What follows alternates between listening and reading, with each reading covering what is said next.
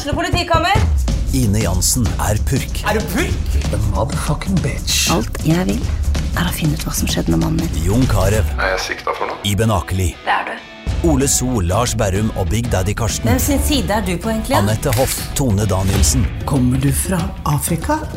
Jørnis Josef, Nesten. Kløfta. Trond Espen Seim, Det er synd å si det, men det var feil mann som døde. Purk. Premiere tirsdag på TV2 Play.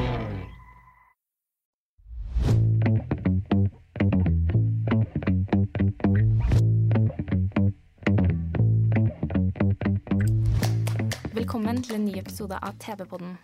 Jeg heter Amalie Andersen, og i dag har vi besøk av Madeleine Borge. Hun har flere hundre tusen følgere på sosiale medier, hvor hun de siste årene har delt fra sin egen studiehverdag i London. Gjennom Instagrammen Student og sånt har hun delt tips og triks, alt fra hvordan overleve kollektivet til hemmeligheter toppstudenter ikke vil at du skal vite. Dette har blitt til boken Student og sånt, og den er ute nå. Velkommen til TV-podden, Madeleine. Hvordan har du det om dagen? Tusen takk. Jeg har det veldig bra. Ja, du har jo skrevet bok om studenttilværelsen. eh, Og da lurer folk på hvorfor har hun skrevet bok, så kan du gi oss en kjapp introduksjon. Hvem er du? Er du student? Hvor bor du? Og så videre. Så De siste tre årene så har jeg studert business management, som det heter. Jeg har studert i London ved Kings College London. Og jeg har også eh, postet på sosiale medier i løpet av hele studietiden. Både på YouTube, men også på Instagram og TikTok. Og delt studietips og studiehverdagen min med alle følgerne. Litt innblikk i hvordan det er å være student i et annet land og være ute. Men også studietips og studieteknikker som jeg har erfart funker bra. Både fra tiden min på skole i Oslo og ting jeg liksom lærte der ved å studere smart og få ting til. Da. Men også liksom alle tingene som kommer med å være student. Hvordan overleve og bo alene, hvordan overleve hjemlengsel, hvordan bo med andre. Um, så jeg har delt de tingene i sosiale medier. Og jeg savnet ikke hele tiden noen som liksom Når jeg var ny student, da kunne dele de tingene med meg. Fordi jeg måtte liksom ut i alt helt alene første gang og bare finne ut av ting selv. Så det var derfor jeg startet Instagram-kontoen og begynte å dele ting. Og det var også derfor jeg valgte å skrive boken. Fordi jeg skulle ønske at jeg hadde noen som kunne dele disse tipsene med meg og fortelle meg litt om hvordan det var å være ny student og ha fadderuke og bo med andre og vaske klær og ja, alt mulig. Ja, og nå får jo snart eh, de som skal studere i Norge, i hvert fall, de får jo vite om de kommer inn på liksom, hvilke Mm. valg og hvor de skal flytte og sånn. Så jeg tenkte jo litt på sånn Har du noen tips til det å liksom, flytte hjemmefra og være ny i en by? For det er jo mange som flytter Mm. hjemmefra og til en ny by. Mm. Det er jo veldig skummelt og også veldig moro og gøy å flytte til et nytt sted. Jeg husker jeg kjente på veldig mye sånn spenning jeg skulle flytte til et nytt sted for første gang. Og vekk fra foreldrene og litt sånn nå skal jeg være voksen og ut og leve voksenlivet. Um, men det kan også være litt skummelt. Og spesielt det å flytte med nye mennesker. Hvis du skal bo i en hybel eller en studentbolig. Det var også det jeg flyttet inn i. Um, det kan være litt skummelt. Så et par tips er bare å gå inn med litt is i magen og bare rive av plasteret holdt jeg på å si, så fort du kommer. Og bare hilse på de du bor med. Si hei i gangen. Hils på den du ser liksom flytte inn sakene sine nedi veien, holdt jeg på å si. Bare hils på folk. Fordi jo før du begynner å hilse på folk der du bor, enten det er i kollektiv eller enten det er i studenthuset du bor i, jo enklere blir det. Og plutselig har du én å snakke med som hjelper veldig eh, når dere kanskje skal spise middag sammen. Og så har du liksom én du kan forholde deg til, og én du kan holde deg litt til. Um, ja, så prøv bare så fort som mulig, bare snakk med noen, bare si hei. Og det beste med å flytte er jo at du har verdens beste unnskyldning til å hilse på folk. Du har jo nettopp flyttet. Du kan jo bare si hei, jeg heter Madeleine, jeg har nettopp flyttet inn, hva heter du? Eller hva gjør du her? Eller bor du her også? Eller hva enn det er. Du har liksom en kjempebra unnskyldning for å hilse på folk. Så det er det jeg ville anbefalt, for det er en veldig sånn um, nesten litt sånn usikker situasjon når man er ny og skal flytte et nytt sted. Så føler man seg skikkelig sånn, ikke på defensiven, men, men jeg føler meg i hvert fall veldig usikker. Og da husker jeg, selv om det var så vanskelig, husker jeg at det hjalp skikkelig å ha de første bekjente som jeg kunne holde meg litt til og liksom nesten kramle meg litt til, og så overleve og klare å fortsatt sosialisere og bli liksom trygg på det, da, og så gå videre. Så får man jo flere venner etter hvert, men, men ja, jeg syns det hjalp i hvert fall. Mm. Ja, og Sånn som du flytta til London, og du forventa Mhm. kanskje å flytte til London, men det er jo andre som f.eks. har søkt seg til Oslo, da, og så kommer de ikke inn der, og så har de kommet inn på andre valg i Bergen. Har du noen tips til de som kanskje ikke forventer å ende opp i jeg vet ikke, Bergen eller Ålesund eller hvor noen det er? Jeg tenker bare sånn um, Det å gå inn med ikke så mange forhåpninger kan også være en god ting. Fordi ofte blir man positivt overrasket. Det er veldig mange ting jeg hatt veldig mange høye forhåpninger om, og så ender det opp med at de ikke lever opp til forhåpningene, og så blir liksom erfaringen kjempedårlig. Så prøv å pushe deg litt. Og fordi du ikke har endt opp på det stedet du ønsker, betyr ikke at du ikke skal fortsette å prøve å liksom møte folk og prøve å kaste deg litt ut i det og være litt aktiv. Um, men det å ikke ha sånn kjempehøye forhåpninger og tenke at ikke ting skal gå sånn kjempebra, kan også være altså, Det skal jo gå bra, men å tenke at ikke ting liksom kommer til å bli helt fantastisk, kan også være en god ting. fordi det er ikke alltid ting blir helt fantastisk med det første. Så det å gå inn i det og være litt sånn Ja ja, OK, vi får se hvordan det blir, liksom. Og så prøver du å pushe deg selv og hilse på folk du bor med. Så blir overraskende nok ting alltid veldig bra. Jeg tror uansett hvor du ender opp. Um, jeg kom heller ikke inn på førstevalget av skolen der jeg ville. Um, og jeg husker jeg var veldig veldig lei meg over det. Og så møtte jeg opp første skoledag, og så hadde jeg egentlig litt lavere forhåpninger enn kanskje det jeg hadde hatt hvis jeg hadde begynt på den andre skolen som jeg skulle ønske jeg kom inn på. da. Um, men så, så, ble ting skikkelig bra uansett. For hvis han bare kaster seg litt ut i det og prøver å hilse på folk og tar det litt som det kommer, bare, så blir ting som regel veldig bra. Um, så ja, det er mitt tips. Ja, og det, Mm. du har jo nevnt det tidligere, sånn å bli kjent med de man bor med og sånn. Og jeg Mm. vet jo selv, for jeg også studerte, og så flytta jeg inn i en sånn jeg vet ikke hva det heter på norsk, men du vet sånn dorms halls-aktig, hvor du bare blir Ja, kasta inn. studenthus, studentbolig, ja. Ja, og du blir bare Mm. kasta inn med masse liksom Jeg vet ikke, forskjellige folk, da, som alle studerer forskjellige ting. Og da er det Mm. vanskelig å finne ut av liksom hvordan kan man finne sin flokk, fordi Mm. Personlig så bodde jeg jo med folk som studerte en fashion, og noen som studerte liksom noe Mm. science-greier. Og da er det liksom litt vanskelig å finne de man selv eh, Mm. viber med, da. Så har du noen Mm. tips til liksom, hvordan finner man flokken sin? 100% Det er jo veldig vanskelig. Og jeg har jo selv vært i akkurat samme situasjon da jeg flyttet til et nytt sted. Og det var ingen som studerte det samme som meg da jeg studerte. Det var heller ikke så mange som gikk på samme skole heller. For jeg bodde på et sted der liksom, det var folk fra én skole og så en annen skole, og så var det musikkskole og så var det en danseskole. Så jeg kjenner veldig igjen det du sier. Um, og jeg tror, som jeg sa, bare begynn med å hilse på én. Og så ofte så møter du et par til, og så hilser du på de. Og så kanskje du begynner å snakke med de. Og så fører ofte et bekjentskap til en annen bekjentskap. Og så hopper du nesten litt sånn videre fra bekjentskap til bekjentskap, og så hilser du på den, så hilser du på den. Så finner man litt etter hvert ved å møte én og møte en annen, og så møte man en annen. Så finner man etter hvert de man liker å henge litt med, og kanskje den du ender opp med å bli litt god venn med, har en annen de også har møtt, og så blir du venn med den også. Det var det som skjedde med meg når jeg flyttet inn i mitt studenthus.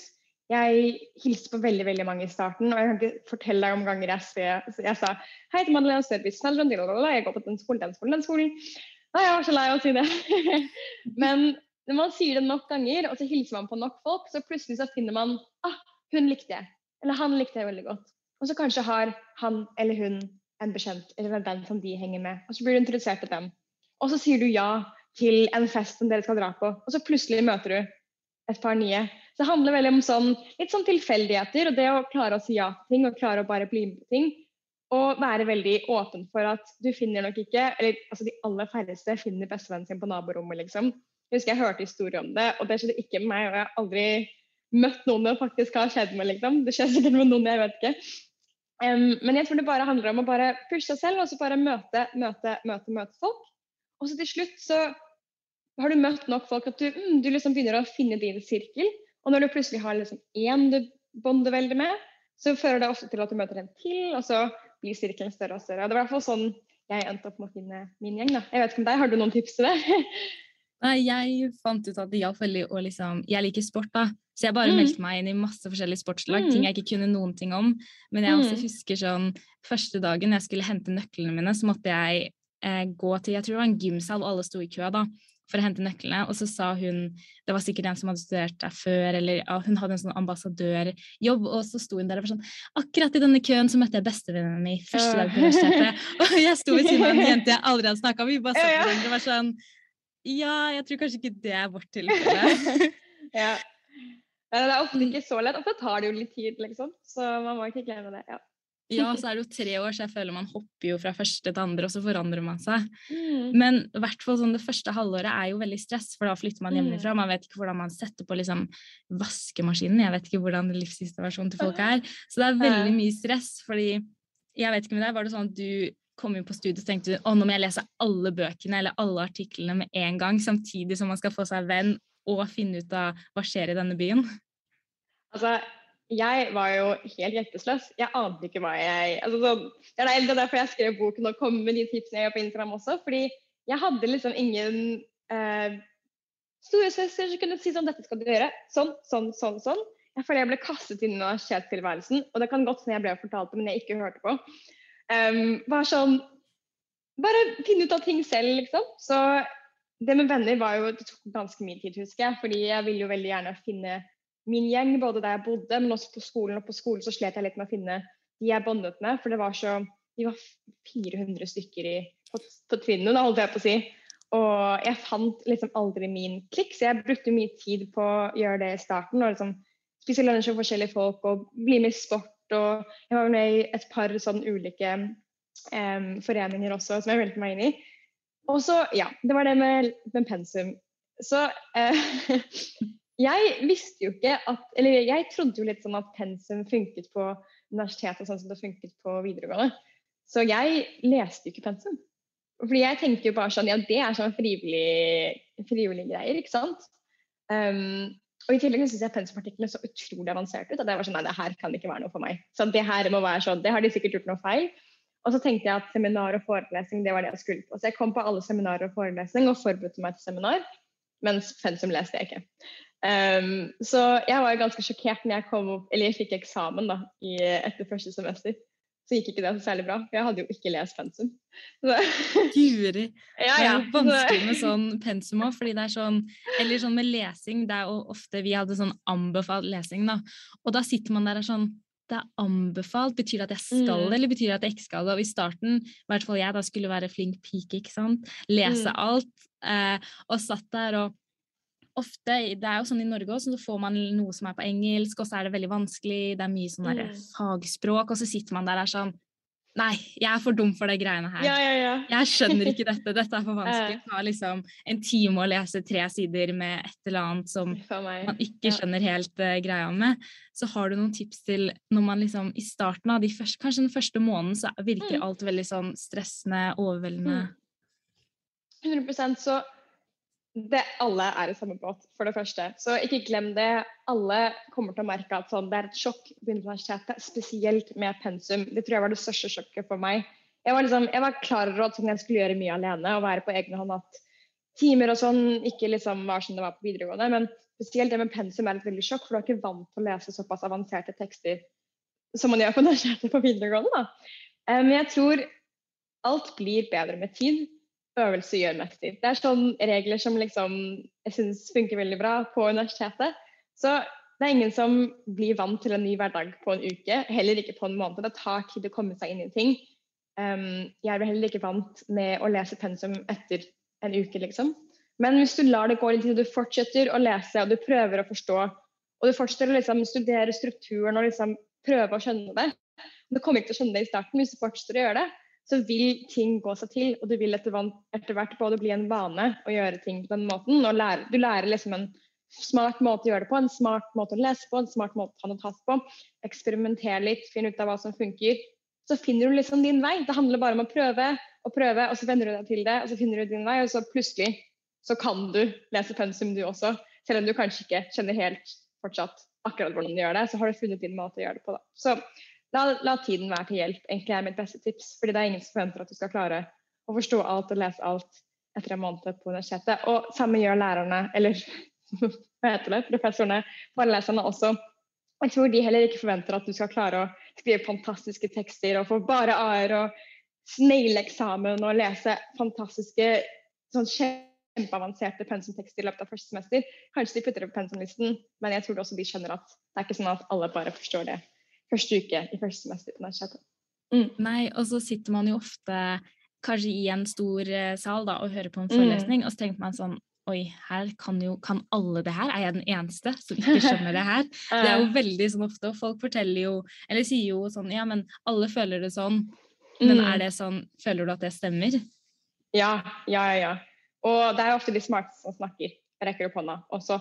Så hvis du er i en klasse Jeg hadde en klasse med 400 andre, og noen ganger så følte jeg bare sånn Jeg bare Alle andre skjønner det, og jeg skjønner ingenting. Og jeg føler meg så dum, og ikke bare dum, jeg burde egentlig bare gå. Hva gjør jeg her? Liksom, hvorfor er jeg, hva, hva gjør at jeg fortjener denne plassen her? Fordi de snakker om Hvis jeg rekker opp hånda, snakker om ting jeg ikke både kunne spurt om selv, for jeg føler meg ikke smart nok, fordi jeg kunne ikke klart å komme med en sånn setning i det hele tatt. Men også bare sånn Ja, føler meg kjempedum. Men igjen, det er de smarteste som ofte rekker opp hånda. Kanskje de som har studert det før, eller jeg vet ikke, lest masse bøker om det før, eller uh, Så det er umulig å vite, og man er aldri alene og ikke forstår ting og ja. Så sånn i en klasse på 400, når jeg følte at jeg ikke forsto noen ting, så var det kanskje fire som rakk opp hånden. Men fordi de fire som rakk opp hånden, alle kunne alt da, og virket så utrolig smarte, så trodde jeg alle i klasserommet var smartere enn meg, selv om det egentlig bare var fire som skjønte det, og kanskje alle andre ikke skjønte det. Så ja. Mm. Ja, og noe som også er vanskelig å skjønne for veldig mange, er jo penger. Ja. Fordi da ja, Det er mange som jobber nå, liksom Mm. jobber i butikker og alt mulig når man er, liksom, Mm. går på videregående og sånn, så man er jo vant til å få en liten inntekt, og da er det jo normalt sett sånn at man jobber litt, da, og så får man penger, så kan man bruke det på gøye ting, da, fordi foreldrene Ja. ofte betaler ja, de kjedelige tinga. jeg savner videregående. Herregud. Bare det å kunne sånn Alle pengene dine går på sånn kafé og sånn shopping. Fordi ingen andre, ingen andre utgifter. Ah, for et liv. Uff a meg. Ja. Men det blir jo ikke sånn da, når man skal Nei, studere. nei. Da må man jo betale husleie, og åh, det verste, Guremala, det har jeg faktisk kommet meg unna, er sånn når man betaler husleie, og så må man betale sånn derre eh, elektrisitet og internett i Mm. tillegg. Det har jeg greid å bare sno meg under ved å betale sånn full pakke. Men det er jo veldig stress på penger. Så hva er det du tenkte når du liksom flytta for å studere? Jeg hadde jo liksom ikke noe forhold til å betale ting på egen hånd, så jeg fikk jo litt sjokk. Jeg tror den første måneden så sånn Jeg hadde heller ikke kjøkken der jeg bodde, som var litt problematisk. Jeg fikk middag og frokost, og det hjalp veldig mye. Jeg hadde ikke kjøkken til å lage lunsj, så jeg spiste jo takeaway-lunsj hver eneste dag. Og så gikk det liksom to uker, så var jeg bare sånn Ja, det var de pengene. ikke sant? Så det kan være kjempevanskelig, um, i hvert fall i starten, å prøve å få litt kål på økonomien. Um, men et lite tips, fadderuken er faktisk en fantastisk mulighet til å få veldig mye gratis hvis du klarer å ta um, litt ut av det. På en måte. Du får ofte gratis pølser, pølsestand ikke sant? Uh, på, på campus.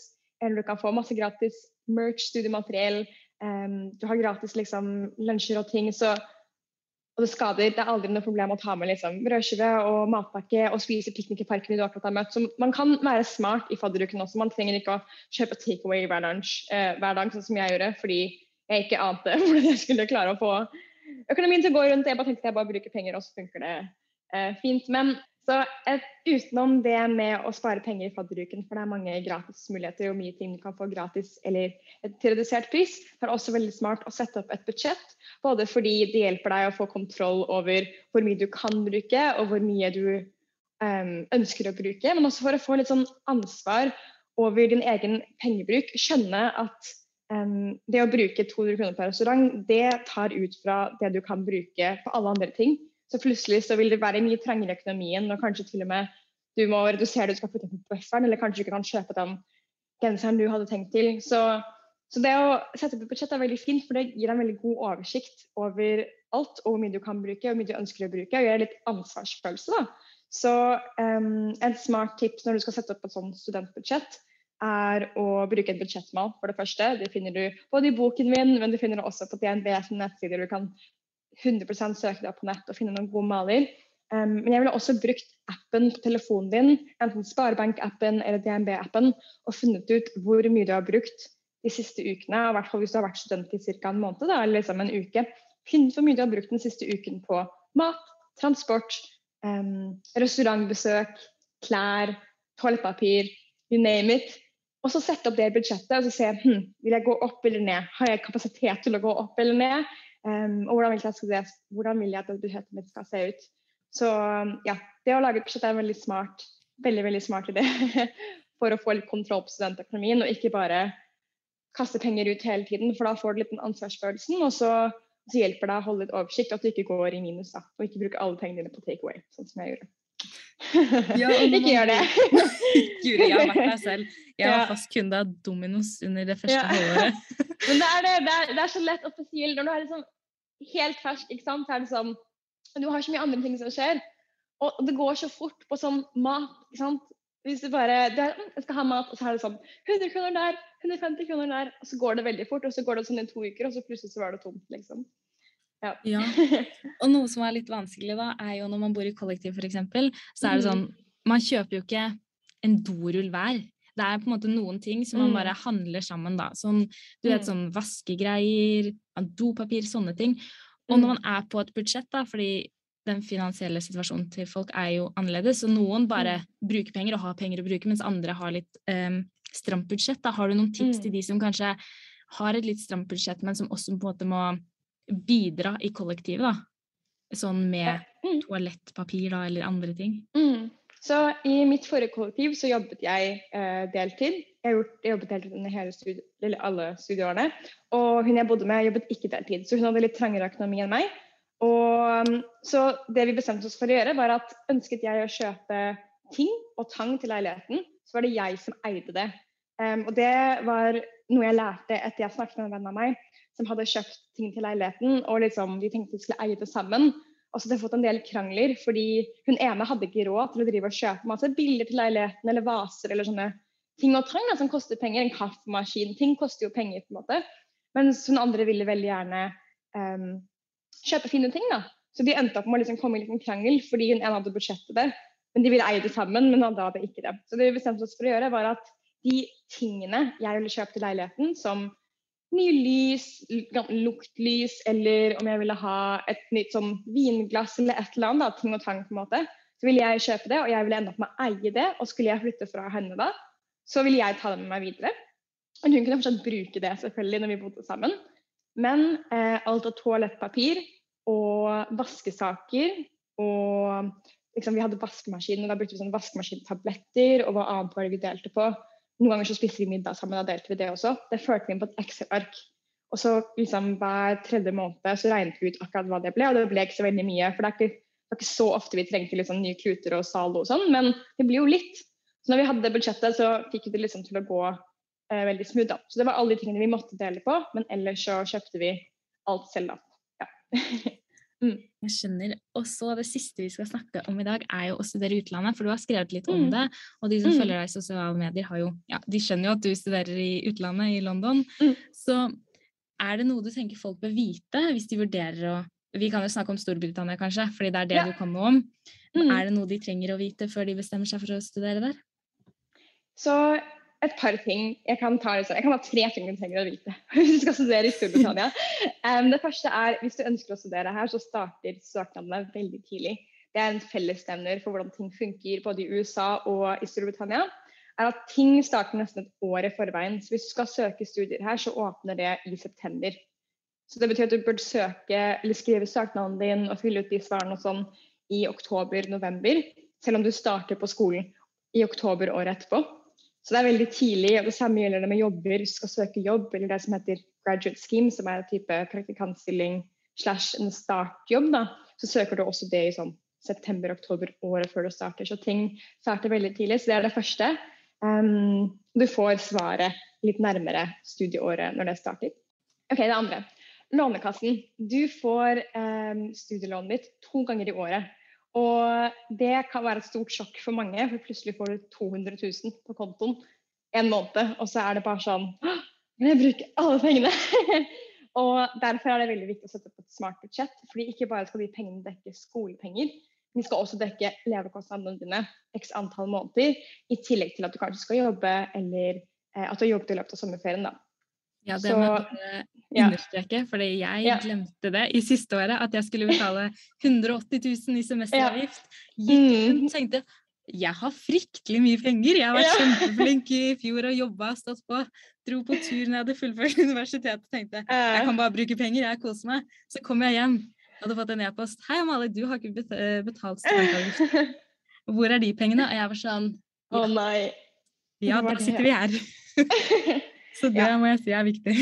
Så hold av penger til eh, den ja, semesteravgiften eller studie, studiepengene som du betaler. I England eller Storbritannia så kan det være ganske mye, så putt de av med en gang, så du ikke risikerer å bruke de pengene. fordi hvor skal du hente de fra? Og de må du betale, ellers så mister du skoleplassen din. Og så sett opp et budsjett. Ekstremt viktig, spesielt når du får den ekstremt store summen i løpet av en måned. og Den skal holde over seks måneder, så må du planlegge hvordan du skal gjøre det. Så du ikke sitter igjen med null den siste måneden. For da har du ikke råd til brød og ris. Eller noe som helst. og ikke bruke alle pengene på takeaway. Du kommer til å bli vant med å snakke og lære på et nytt språk, men det vil ta litt tid. Jeg husker det var et veldig stort sjokk for meg. Og jeg trodde jeg skulle være veldig klar for å snakke på engelsk hele tiden. Jeg var sånn, jeg har sett på alle disse Netflix-filmene, og jeg snakker engelsk, liksom, jeg er så komfortabel med det. Og så kom jeg hit, og så hakket det litt når jeg snakket, husker jeg. Og jeg syntes det var vanskelig å lage liksom, jeg synes det var vanskelig å være morsom på engelsk. Jeg husker det, jeg synes det var veldig vanskelig å være sånn, når jeg snakket med vennene mine, liksom være morsom og komme med noe og ha en skikkelig morsom samtale, en sånn vennskapelig samtale, og få venner på et annet språk, for det hadde jeg aldri gjort før. Men plutselig så blir man vant til det. Etter et par måneder så hadde jeg liksom noen drømmer på engelsk til meg, og det kom veldig mye mer naturlig. Samme gjelder på skolen. Den første måneden eller første ukene så slet jeg veldig med sånn at alt skulle være på engelsk hele tiden. Jeg husker, og jeg måtte oversette så mange ord til norsk. Jeg hadde jo samfunnsøkonomi på engelsk, og jeg husker jeg trodde alt jeg lærte var nytt. Og så viste det seg at det var bare repetisjon av samfunnsøkonomi på videregående. Men det visste jeg jo ikke, for jeg kunne ikke begrepene. Så oversett eh, på Google Translate og bare venn deg til at det kommer til å ta litt tid. Men det er overraskende, overraskende hvor mye du kan bli vant til hvis du bare gir det litt tid. Og spesielt det med engelsken eller et annet språk. Du skal studere på et annet språk. Det kommer seg. Du vil bli vant til å snakke med venner og være morsom på engelsk og alle de tingene der. Det, handler bare om å gi det litt tid og bli litt vant med det. Og når du er i et annet land og omgis et annet språk hele tiden, så vil det komme mer naturlig etter hvert. Tusen takk for at du hørte på denne ukas episode av TV-podden med meg, Amalie Andersen. Ansvarlig redaktør for TV-podden og Tønsbergs Blad er Sigmund Kydland, og musikken du hørte i starten er laget av Sean Klapp. Har du et enkeltpersonforetak eller en liten bedrift? Da er du sikkert lei av å høre meg snakke om hvor enkelt det er med kvitteringer og bilag i fiken, så vi eh, gir oss her, vi. Fordi vi liker enkelt. Fiken superenkelt regnskap.